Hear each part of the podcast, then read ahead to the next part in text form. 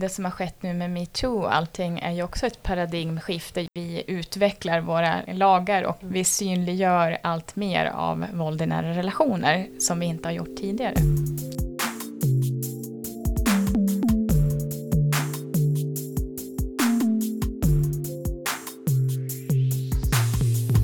Hej och välkommen till det 23 avsnittet av FoU-podden. Idag ska vi prata om våld i nära relation. Jag som gör den här podden heter Lena Stenbrink och är kommunikatör på FoU Sörmland. Med mig här i studion har jag Therese Stolk, Inge-Marie André, Daniel Eriksson, Elisabeth Björk Andersson och Lina Larsson. Varmt välkomna! Tackar! Tack! Tack. Tack. Jag tänkte att vi börjar med att ni bara berättar lite om vilka ni är och vad ni jobbar. Eh, jag heter alltså Ingmarie André och är anställd på Region Sörmland där jag arbetar, eller har en tjänst som mångfaldsstrateg. Men för närvarande arbetar jag som enhetschef vid kompetenscentret kring eller mot våld i nära relationer i Region Sörmland. Eh, Therese Stolk heter jag och jobbar på Länsstyrelsen i Sörmland med regeringsuppdraget som är kopplad mot mäns våld mot kvinnor. Daniel Eriksson heter jag och jobbar som samordnare mot våld i nära relationer i Strängnäs kommun och det har jag gjort sedan 2016. Dessförinnan jobbar jag inom kriminalvården med framförallt dessa frågor. Jag heter Lina Larsson och jag jobbar här på FoU i Sörmland och en del av tjänsten är att jobba med en nationell satsning som heter RSS Kvinnofrid. Och jag heter Elisabeth Björk Andersson, arbetar här på FoU i Sörmland som utvecklingsledare och tillsammans med Lina så har jag en del i arbetet kring RSS Kvinnofrid. Bra, mycket kompetens här i rummet. Till att börja med då tänkte jag att vi kanske bara ska ta en överblick. Vad, är, vad menar man egentligen med våld i nära relation? Det kan ju handla om eh, många olika uttryck. Den kan handla om att den är fysisk, den är psykisk, det kan vara sexuellt, det kan handla om omsorgssvikt, det kan handla om försummelse. Och när vi pratar om den nära relationen så har i alla fall vi i regionen Sörmland definierat det som att det handlar om Naturligtvis partner. Eh, det vanligaste när man pratar om våld i nära relationer är ju att utövaren är en man och den som blir utsatt är en kvinna eller ett barn, en flicka eller pojke. Och det handlar ju om den nära familjen men det kan också handla om att det är en nära relation som jag själv som individ definierar som nära. Till exempel det kan ju vara en idrottsledare, det kan vara en lärare, det kan vara en granne. Men det viktigaste är ju vad jag som egen individ eller person definierar som nära relation. Och det kanske är någon som vill komplettera det. Nej, men du nämner ju det. Det finns ju andra begrepp kopplade också till detta. Latent våld, Mm. eh, separationsvåld etc. Så att, eh, men det är viktigt att definiera vad våld i nära relation är för någonting. Och det är viktigt för individerna också. Så att man förstår sammanhanget. Mm. Ja, det håller jag med om. Är det någonting som måste vara upprepat? Eller är det en gång? Räknas det som våld i nära... Alltså det är klart det är våld i nära relationer men ingår det i uppdraget om någon tappar humöret en gång och sen aldrig mer? Eller eh, är det någonting som fortgår? Jag skulle vilja definiera det som upprepat. Eh, sen kan ju naturligtvis enstaka händelser ändå vara inom det här området. Det är ju viktigt att säga att våld i nära relationer är ju ett spektra. Det är ju ett spektra från eh, att man kränker någon eller man är, eh, tills att man begår en våldtäkt eller faktiskt att man slår ihjäl någon. Ja, jag tänker också på flera delar av våldet som vi var inne på. Det här med försummelse till exempel, att det också handlar om ekonomiskt våld ibland. Det är lätt att glömma det perspektivet, att man kan utsätta en annan individ för att, alltså genom påtryckningar och hot, eh, få personen att skriva på köpehandlingar eller någonting annat eh, som gör att man försätter sig själv i en skuldsituation. Eller tar abonnemang som man inte egentligen kan eller vill rent ekonomiskt ta på sig så kan man ju tvingas göra det genom någon annan. Eller också att man får sin egendom förstörd. Eh, om man har en lägenhet eller man har kanske något, något arv, eh, alltså någonting som betyder mycket som man kan få eh, förstört också som en del av de andra delarna av våldet. Sen tänker jag också på det här när vi pratar på individnivå så, så definierar ju Länsstyrelsens uppdrag liksom flera delar av våldet, alltså hedersrelaterat våld och förtryck till exempel, som är en del av våldet. Och eh, prostitution och människohandel är en annan förgrening av, av våldet. Och även, som vi var inne på lite grann här, om barn som bevittnar våld eller barn som upplever våld och mäns våld mot kvinnor. Mm. Men är det alltid fysiskt eller kan det vara psykiskt också? Eh, det kan absolut vara både och, både fysiskt och psykiskt. Och ofta är det ju en kombination av flera, det får man ju inte glömma bort också. Och anledningen till att det är så pass mycket allvarligare och grövre just eh, mäns våld mot kvinnor är ju att det är upprepat. Man eh, likställer ibland det med, med mäns våld mot män ute på gatan till exempel, i det offentliga. Liksom. Men det här sker ju oftast i det privata och sker upprepat utan att någon annan ser eller kan avbryta det hela. Vilket gör att det i förlängningen får helt andra konsekvenser på individnivå. Och sen är det också ofta skambelagt på ett sätt som det inte är med överfall på gatan. Att bli utsatt för våld i en nära relation är, ja men det gör någonting med självkänslan också. Absolut, det handlar ju om, till syvende och sist om skuld och skam. Och att eh, kvinnan utifrån en process tar på sig detta. Eh, det blir liksom, man pratar om normaliseringsprocessen mm. etc. Så att det, det, är en stor del och det är också en aspekt till att kvinnan blir kvar i detta elände kan man säga.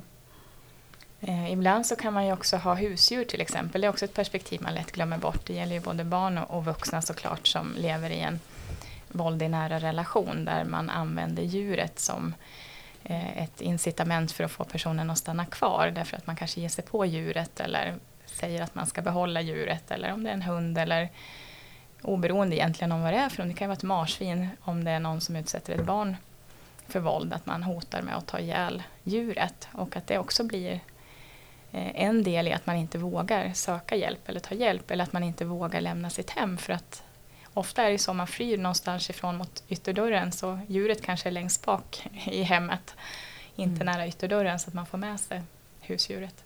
Jag tänker att det är väldigt angeläget att tänka på hur man eh, forskningsmässigt eller hur Världshälsoorganisationen definierar våld i nära relationer eller mäns våld mot kvinnor och barn. Att det är en folkhälsosjukdom. Mm. Det är alltså oerhört van, betydligt mycket mer vanligt förekommande. Det är, Eh, det är många fler som utsätts att vi känner. Och det är ju en av anledningarna varför hälso och sjukvården eller regionen arbetar med den här frågan. För att vara utsatt eller med hot eller fysiskt, psykiskt, sexuellt eller försummelse betyder ju att man skapar en ohälsa hos den personen, den individen. Och det är inte alltid självklart att man kopplar att det är på grund av att jag är utsatt av det som min hälsa, att jag, känner, jag har magsmärtor, ofta kopplat till smärtsymptom och så vidare. Det finns andra rent fysiska åkommor som kopplas ihop. Så därför är det oerhört viktigt att vi i vården exempelvis eh, ställer frågan till våra patienter om man har varit utsatt eller ej. Sen vet vi, precis som vi säger, att det här är skuld och skam. Man brukar sällan svara ja på den frågan mm. första gången man får den. Men får man den flera gånger så då förstår man och dessutom får det förklarat sig att det här är en del av varför du inte mår bra. Det är en del av flera faktorer. Vilket gör att vi också kan erbjuda mer rätt insatser. Eh, sen tror jag att eh, utbildningsdelarna är enormt viktiga i de här frågorna. Det kan inte nog betonas och att man kan uppmärksamma, det här är ett bra forum att uppmärksamma den här frågan. Men jag tror att utbildningsinsatserna på olika nivåer är enormt viktiga. Och vi pratar om det här med att definiera vad våld är. Det är liksom utgångspunkten på något sätt för vad, vad vi ska veta. Vi måste veta vad vi pratar om och vilka konsekvenser det har. Och utifrån det tänker jag att det är jätteviktigt att vi vet och också vad vi i våra olika professioner, vad vi är för aktör. Om vi är offentliga, om vi jobbar i vården eller om vi jobbar i kommunen eller staten eller om det är frivilliga organisationer, vad det är som gäller för oss. Och det styrs ju av bland annat Socialstyrelsens råd och anvisningar som vi berörs utav. Mm. Vi här på FoU har ju också uppmärksammat att vi arbetar med olika målgrupper som också berörs av den här frågan. Till exempel äldre, personer med funktionsnedsättning och kvinnor i missbruk. Sånt som är bedömt som särskilt utsatta grupper. Och, när jag, jag tänker jag ville komplettera det jag pratade om. Vi pratade om att vi har olika uppgifter men en av de viktigaste uppgifterna det är ju att samverka. För vi har olika roller och funktioner men det är ju därför det är så oerhört viktigt att vi sitter här och representerar olika verksamheter. För vi ska ju samverka och syftet är ju naturligtvis både att jobba förebyggande, att inte här uppstår men också att vi ger relevant behandling och stöd till de som är utsatta. För vi ska också komma ihåg att det är ett brott. Mm. Det här är ju också, ska ju naturligtvis bli polis och åklagare involverade. Men att samverkan är en nyckel. Så därför är det oerhört positivt att det är just det som är RSS eller ni på FoU Sörmland, ni ska jobba med samverkansfrågorna mm. som är centrala i det här arbetet skulle jag vilja säga. Men jag tänkte vi kan berätta vad ni gör på era respektive tjänster då. Så om kanske Therese kan berätta.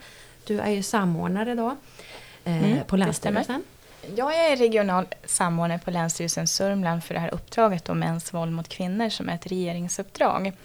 Eh, och I min roll så ingår ju just att samverka med länets aktörer.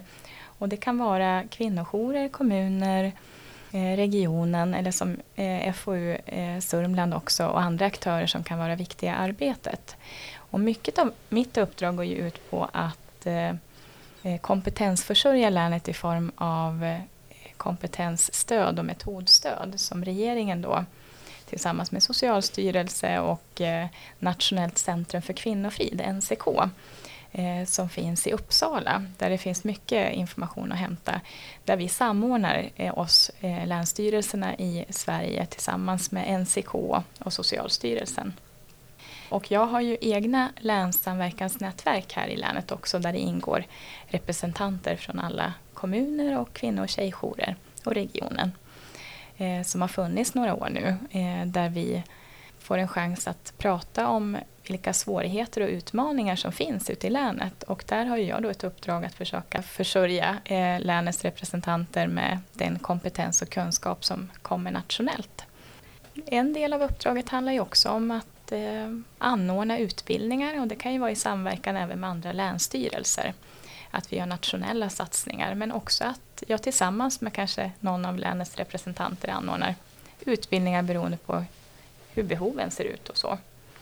Eh, under året här så har vi anordnat eh, utbildningar i hedersrelaterat våld och förtryck till exempel som har varit en fråga och som kommer att vara en fråga även fortsättningsvis som är viktiga att få mer kompetensförsörjning i. Men viktigt är också att inte glömma mäns våld mot kvinnor i det stora. Att det här som vi har pratat om, vad är våld och hur ska vi jobba med att våga fråga om våld i våra yrkesutövningar? På vilket sätt ska vi fråga om det här? Så det är lite stort och smått kan man säga. Det ingår många olika uppdrag och jag jobbar ju i projektform nästan per år så, så får vi ju olika regeringsuppdrag på ett vis även fast det finns en långsiktighet med den nationella strategin mot mäns våld mot kvinnor som har kommit också. Då. Eh, Daniel, du är ju också samordnare fast i Strängnäs var det va? Mm. Mm. Hur ser det ut för dig? Strängnäs kommun antog en handlingsplan avseende våld i nära relation 2017. Och i den handlingsplanen så framgick det bland annat att eh, i stort sett all personal, i alla fall hela socialkontoret, skulle genomgå den webbaserade utbildningen Mäns våld mot kvinnor som är kopplad till NCK. Då. Och eh, den har jag jobbat mycket med och planterat in i kommunen, tycker jag själv. Sen har jag breddat perspektivet med också och eh, gått lite utanför ramarna, gått utbildat i skolor etc. Vårdcentraler har varit och pratat om mäns våld mot kvinnor just utifrån också definitionsperspektivet som jag tycker är enormt viktigt. Men också i den här handlingsplanen så kopplar vi också det här med just att fråga om utsatthet gentemot våld. Eh, också en viktig fråga som man kanske inte alltid har varit bra på tidigare. Det som också nu framåt det är att vi ska ha en utbildningsinsats för, apropå funktions, enheten för funktionsnedsatta så ska vi ha en utbildningsinsats mm. som omfattar eh, 90 personal faktiskt inom området, i princip hela området i Strängnäs kommun. Det, det kommer vara ett komplement till den här webbaserade utbildningen, datautbildningen. Eh, och den kommer inte att vara kopplad till målgruppen i sig, men det kommer att vara kopplat till våld i nära relation och vara på, på basnivå helt enkelt. Sen eh, eh, framåt så ska vi också då vara med i pilotprojekt som vi kanske kommer att komma in på här via SKL. Mm. När vi ska utvärdera våra insatser. Det tänkte lite på på båda er nu var att det var, lät som det var väldigt mycket fokus på just mäns våld mot kvinnor. Ja, Hur vanligt är det att det kanske är tvärtom? under de åren jag har jobbat eh, i Strängnäs kommun så är det ytterst få män som... Det finns män som söker hjälp och de ska inte förskjutas alls. De ska tas emot. Men eh, majoritet, så ser verkligheten ut dessvärre. Att det handlar om, i stor del om mäns våld mot kvinnor. Och eh, det talar ju all statistik från polis, eh, Brottsförebyggande rådet etc. Och det är det vi har att utgå ifrån på något sätt, det vi vet. Det som blir intressant är att den frågan du ställer den kommer alltid. Men är det inte så att också kvinnor slår män? Och så är det ju. Men det är jätteviktigt att följa den statistik och se vad huvudfrågan är. Men självklart finns det män som är utsatta för våld. Men jag tänker det, det intressanta är att jag har utbildat väldigt många i området under många år. Och den här kommer, frågan kommer nästan alltid upp. Så det är jätteviktigt att följa, visa statistiskt hur det ser ut utifrån Brottsförebyggande rådet eller BRÅ och så vidare, hur det ser ut. Och man, man pratar om att förövaren i de här sammanhangen är till 90-95 procent män när det gäller sånt som anmäls till polisen. Det in- anmäls ju inte alla de här ärendena, alla de här situationerna. Och jag från vården möter ju även eh, folk som jobbar på vårdcentralen inom social, psykosociala stödteamen. De möter ju naturligtvis män. Det här är ju ännu mer skamfyllt för en man att säga att jag är utsatt. Tänkte, jag satt precis och tänkte på det. Och det är inte alltid det fysiska ska vi säga. Nej. Man kanske ska ha klart för sig att när vi pratar om det, då pratar vi om eh, heterosexuella relationer. Eh, det är ju det vi har som utgångspunkt helt enkelt. Sen finns det ju andra relationer också då, samkönade relationer. Eh, men maktstrukturen ser ju liknande ut även när det gäller våld i nära relation, när det gäller den typen av relationer. Eh, men det är ju svårt att, att applicera det samtidigt på samkönade relationer där det förekommer våld. Nej, jag tänker att här har ju regeringen varit övertydlig med att kalla uppdraget mäns våld mot kvinnor.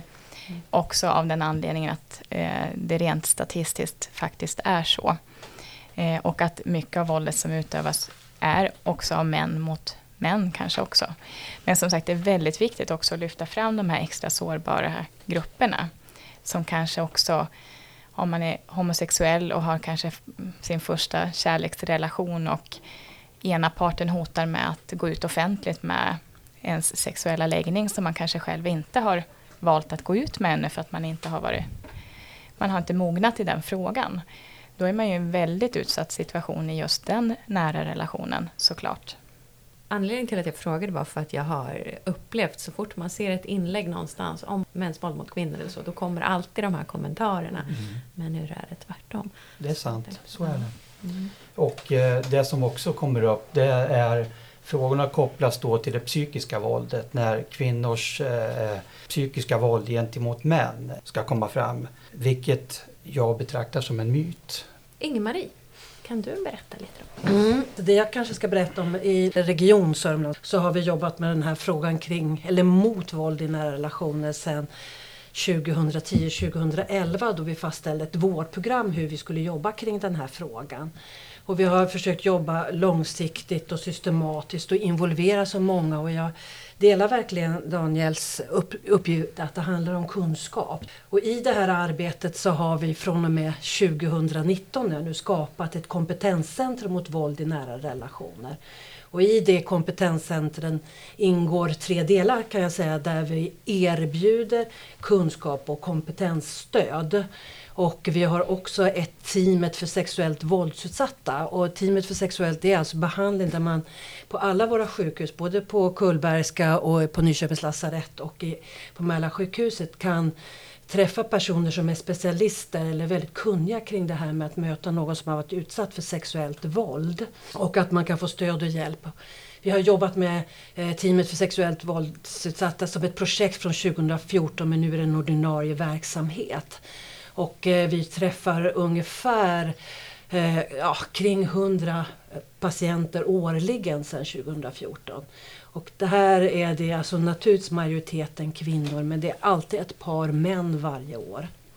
Så det, vi har tre delar, så här, kunskap och kompetensstöd, teamet för sexuellt våldsutsatta. Och så har vi också ett eh, konsultativt barnskyddsteam som riktar sig inåt i vår organisation att man kan få stöd. Hur ska jag göra när det gäller att anmäla om någon barn som far illa? För ett barn som lever i en miljö där våld förekommer far illa och ska alltså anmälas, då har vi en skyldighet i vården att anmäla det till socialtjänsten så att barn ska få det rätta stödet.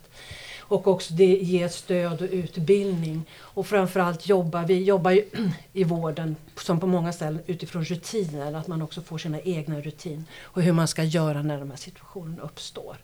Kompetenscentrum, vi är ungefär ja, vi är knappt fem tjänster men vi består av 14 personer med väldigt mycket olika yrkesgrupper. Vi, det finns läkare, det finns sjuksköterskor, det finns barnmorskor, det finns kuratorer naturligtvis. Och en av de här viktigaste frågorna vi jobbar med just i år och har gjort tidigare det är ju att uppmärksamma och det handlar ju om att ställa frågan om patienten är våldsutsatt eller ej. Att också få rutin, ja om nu patienten svarar ja, vad ska vi göra då?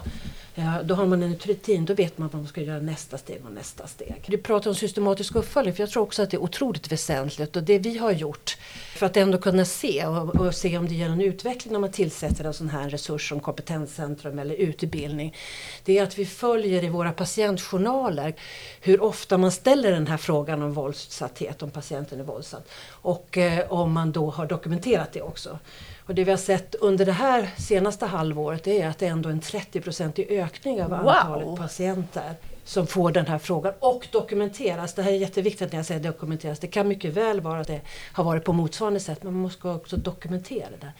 Och det här är ju bara en, en information men det säger att ju oftare du ställer frågan ju lättare är det att ställa frågan. Visst sa ni att man helst skulle ställa flera gånger till samma person också? Mm.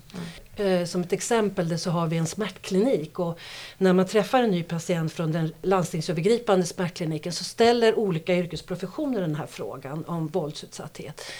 Och då visar och de är fyra eller fem olika yrkesroller och det är oftast den fjärde eller femte personen som ställer frågan i ett initialmöte som får ett svaret ja. Och så vet vi att det är väldigt höga tal att man har erfarenhet eller varit utsatt om man är, kommer till en smärtklinik.